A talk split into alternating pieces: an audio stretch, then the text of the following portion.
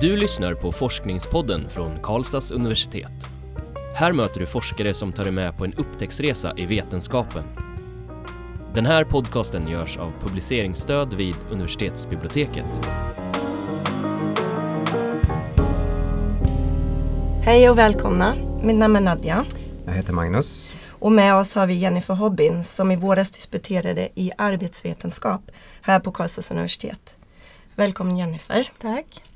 Eh, din avhandling heter Samhälle, individ och ansvar. En studie om synen på arbetslöshet. Kan du berätta vad avhandlingen handlar om?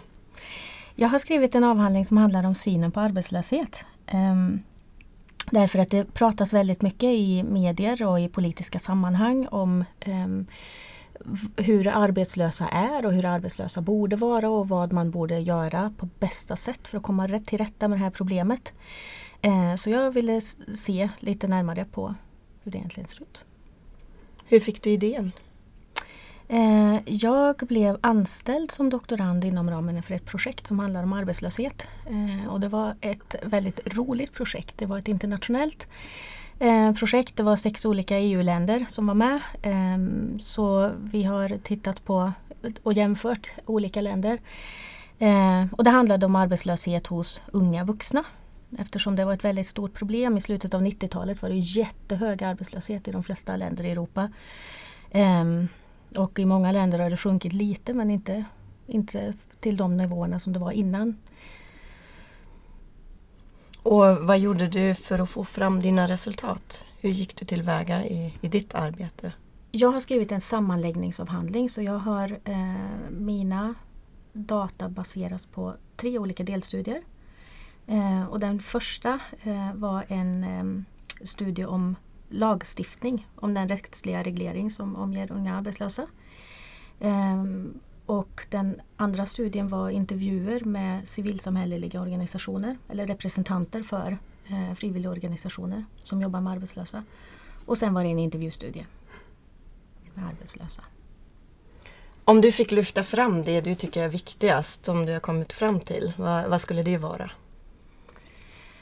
Um, det är flera saker. Dels um, när vi tittade på den rättsliga regleringen så såg vi att um, det var väldigt uh, individfokuserat. Att en stor del av problemet um, verkar ligga hos den arbetslöse själv. Egenskaper som den inte har eller uh, behöver um, för att lyckas. Och, um, det står i väldigt stor diskrepans gentemot vad arbetslösa själva säger. De, de vill inget annat än att ha ett jobb. De vill passa in i samhällsnormen. De vill, eh, de vill ha ett jobb, de vill kunna försörja sig själva. De vill inte ligga till någons last. Så. Eh, och de vill känna värdighet, de vill slippa skämmas för att de inte passar in i samhället som alla andra. Eh, så att problemet ligger inte bara hos individen. Ehm,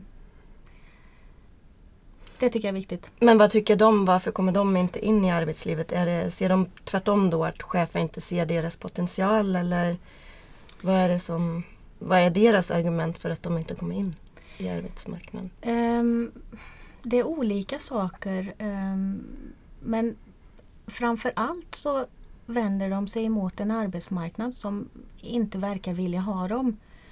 Därför att dels så handlar det om väldigt unga människor som inte har någon arbetslivserfarenhet och det är ju det som arbetsgivare vill ha. Vi vill ha någon som är 24 år gammal som har tre examina och 20 års arbetslivserfarenhet. Det kan de inte stå till tjänst med, de här eh, arbetslösa som jag har intervjuat. Men de har ändå utbildning, de har viljan, de har provat på, de har försökt att få praktikplatser och göra olika saker men de, de får ingen ingång. Um, när de skickar in sina ansökningar så får de oftast inte ens ett nej tack. Vi har tillsatt tjänster med annan sökande. Eh, så att någonstans förlorar man ju också hoppet. Mm. Eh, så när man har skickat in jättemånga ansökningar och inte ens får ett svar mm. då, då är det svårt tror jag att hålla modet uppe. Kan du berätta lite mer om de här frivilligorganisationerna och den delstudien? I det här? Vad, vad fick du fram i det så att säga? Vad var det för typ av organisationer?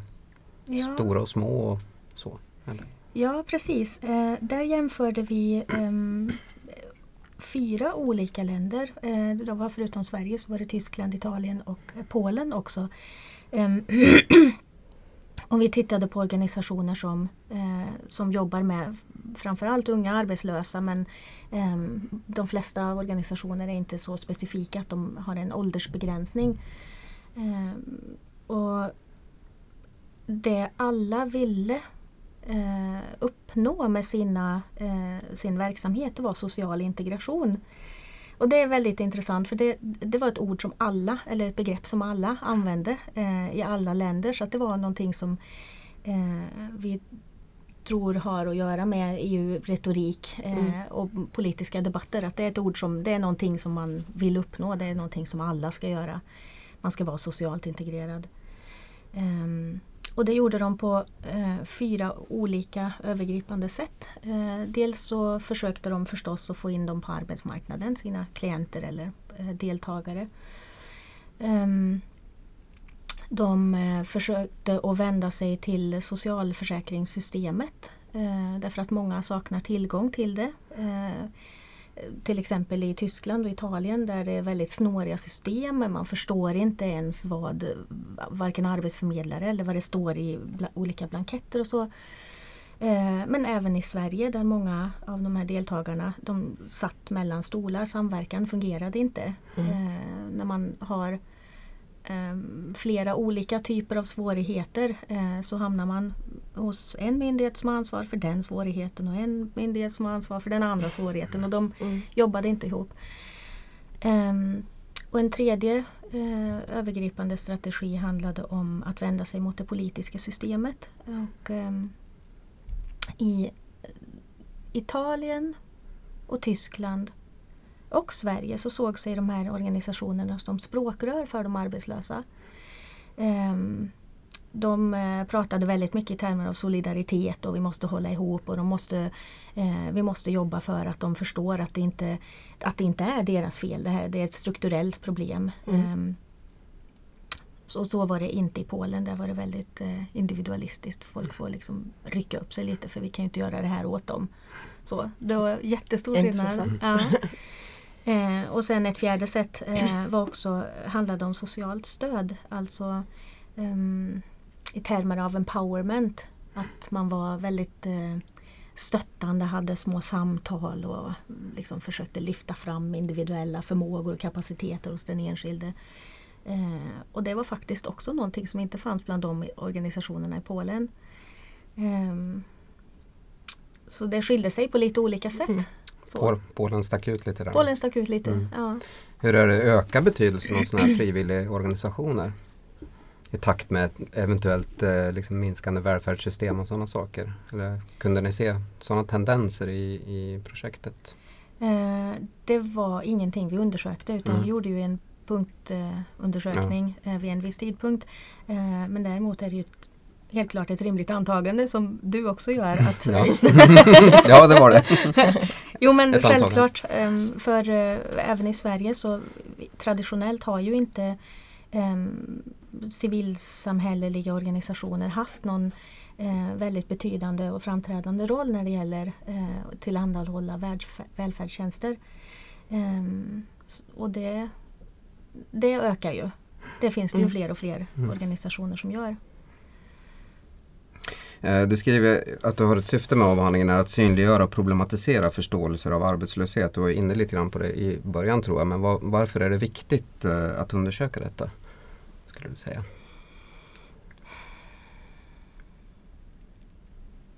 Många gånger så pratar man om arbetslöshet i termer av siffror eller eh, man pratar om det i termer av åtgärder som ska göras. Um, framförallt i, i medier och politisk retorik. Men um, det man egentligen säger det är, ju, det är ju vissa grundantaganden man har som ligger bakom eh, det man säger, um, problemförståelsen. Och det är den uh, som alldeles för sällan blir ifrågasatt. Det är väldigt, väldigt många samhällsnormer som vi tar för givet. Eh, och när vi utgår ifrån dem eh, så säger vi ju också att vissa saker är rätt och vissa saker är fel. Um, och det, många av de här eh, antagandena är problematiska eftersom de skuldbelägger och patologiserar sånt som inte överensstämmer med normen. Ett, ett annat exempel är ju kärnfamiljen. Um, skilda barn får det jättejobb, eller barn till skilda föräldrar förstås. De får det ju jättejobbigt eh, många gånger därför att i alla barnböcker, eh, i tv-serier och filmer och överallt så, mm. så är det en, en, mamma och en pappa och gärna två barn. Det ska vara pojke och flicka. Och det är inte två mammor och det är inte två pappor. Eh, och så vidare. Eh, det finns många av de här eh, normerna som, som blir jobbiga för den som inte kan leva upp till dem. Eh, därför tyckte jag att det var viktigt att lyfta fram den om arbetslöshet. Mm. Kan man säga att din avhandling hjälper till att bredda bilden av hur, hur man kan förstå arbetslöshet? Ja, det hoppas jag. Ja, okay. Jag funderar i relation till det och ditt ämne arbetsvetenskap. Alltså vilken, lite nyfiken på vilken eh, Eh, roll arbetslöshetsforskningen har inom arbetsvetenskap. Är det här ett växande fält, är det ett stort fält eller hur, hur ser det ut? Är det fler som intresserar sig för det nu för tiden? Hmm. Arbetslöshet är ett ämne som inte arbetsvetenskap har patent på tror jag. Därför det, det är per definition ett ganska tvärvetenskapligt ämne. Eh, så jag vet att väldigt många andra ämnen också intresserar sig för det. Socialt arbete, sociologi. Eh, så jag tror att vi eh, samarbetar och slåss lite grann om arbetslöshet. på det sättet. Mm. Okay. Men det finns väldigt mycket intresse för det. Det finns väldigt mycket forskning. Ehm. Har du själv haft många samarbeten med andra universitet eller utomlands och så också i din avhandling? Mm, det har jag. Um, I projektet så samarbetade jag väldigt mycket med uh, den, det tyska uh, ja, vad säger man, laget, teamet. Mm. Um, där var det en tysk doktorand i sociologi. Vi samarbetade väldigt mycket. Bland annat har vi samförfattat en av artiklarna. Det var väldigt roligt. Uh, det är en fördel med att få jobba i internationella projekt eller tvärdisciplinära när man får andra perspektiv också mm. Eh, med sin, sin forskning. Vem hoppas du kommer att läsa din avhandling? Jag tror och hoppas att det finns eh, användning för den på många områden. Eh, jag kan tänka mig att det vore bra exempelvis för många politiker att läsa eh, den här avhandlingen för att eh, jag tycker att det är viktigt att få upp ögonen för vilka utgångspunkter man har och vilka konsekvenser ens utgångspunkter kan få. Um, exempelvis för arbetslösa. Um, jag pratade förut om uh, arbetslinjen och den här hårda arbetsnormen som vi har uh, i Sverige. Um, på min disputation så fick jag frågan om uh, vad jag egentligen tycker om arbete. Och jag jag tycker att det är viktigt med arbete. Jag tycker att det är viktigt eh, att kunna försörja sig själv. Därför att det skapar värdighet eh, i att man kan inte bara försörja sig själv genom lönen. Man får sociala kontakter, man, får, man kan eh, köpa de saker man vill ha, resa till utlandet eller ehm, sånt som alla andra i samhället gör, apropå att leva upp till normer och så. Ehm, men samtidigt så um, finns det de som inte klarar att leva upp till det och det är väldigt viktigt att vara medveten om det. Det är viktigt att vara medveten om att de flesta arbetslösa faktiskt vill ha ett jobb. De vill inget hellre. Uh, och det är lätt att glömma bort det ibland i de här politiska debatterna. Uh, när man pratar om att strama åt villkoren och så. Um, att det kanske inte är de åtstramade villkoren som gör som, som skapar mer motivation till att söka arbeten utan att det finns, finns andra saker att ta hänsyn till. Ehm, till exempel på arbetsmarknaden. Som jag sa här förut så är det många arbetsgivare som inte ens svarar på brev för att de är överbelastade. Ehm, eller det finns säkert massa anledningar till varför de inte svarar på alla ansökningar som kommer in. Men för den enskilda arbetslösa är det ju inte så himla roligt. Um, så där finns det många andra saker man kan göra också tycker jag eh, istället för att bara gå på individen. Mm. Hur har du själv utvecklats som person i samband med ditt arbete? Oj. Um, Under forskarutbildningen så lär man sig väldigt, väldigt mycket. Ehm, om akademin.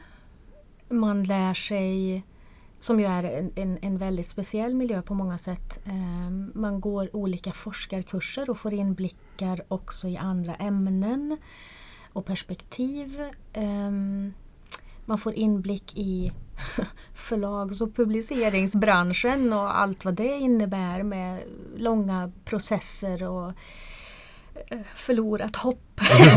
och återuppväckt hopp igen hos en stackars doktorand.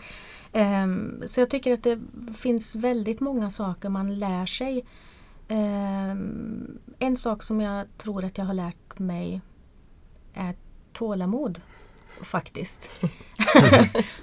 och att härda ut därför att eh, det tar så, ofta så lång tid innan man ser något resultat Mm. I den här branschen. Men när man väl gör det så blir man ganska nöjd. Vilka planer har du för framtiden? Hmm. Jag vill gärna fortsätta och fördjupa mig i relationen mellan stat och individ. Eh, hur påverkas individen av olika samhällsprocesser?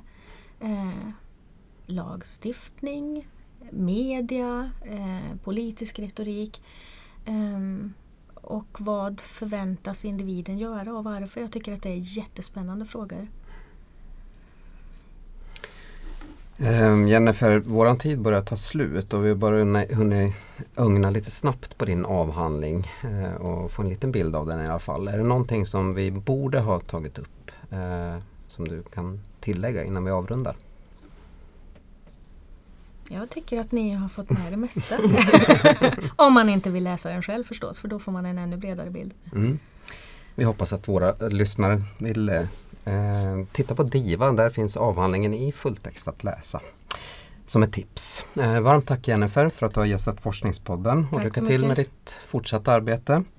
Eh, och tack också till er som har lyssnat. Eh, ni är välkomna till nästa avsnitt. Då träffar vi Johan Eklund som berättar om sin forskning i datavetenskap.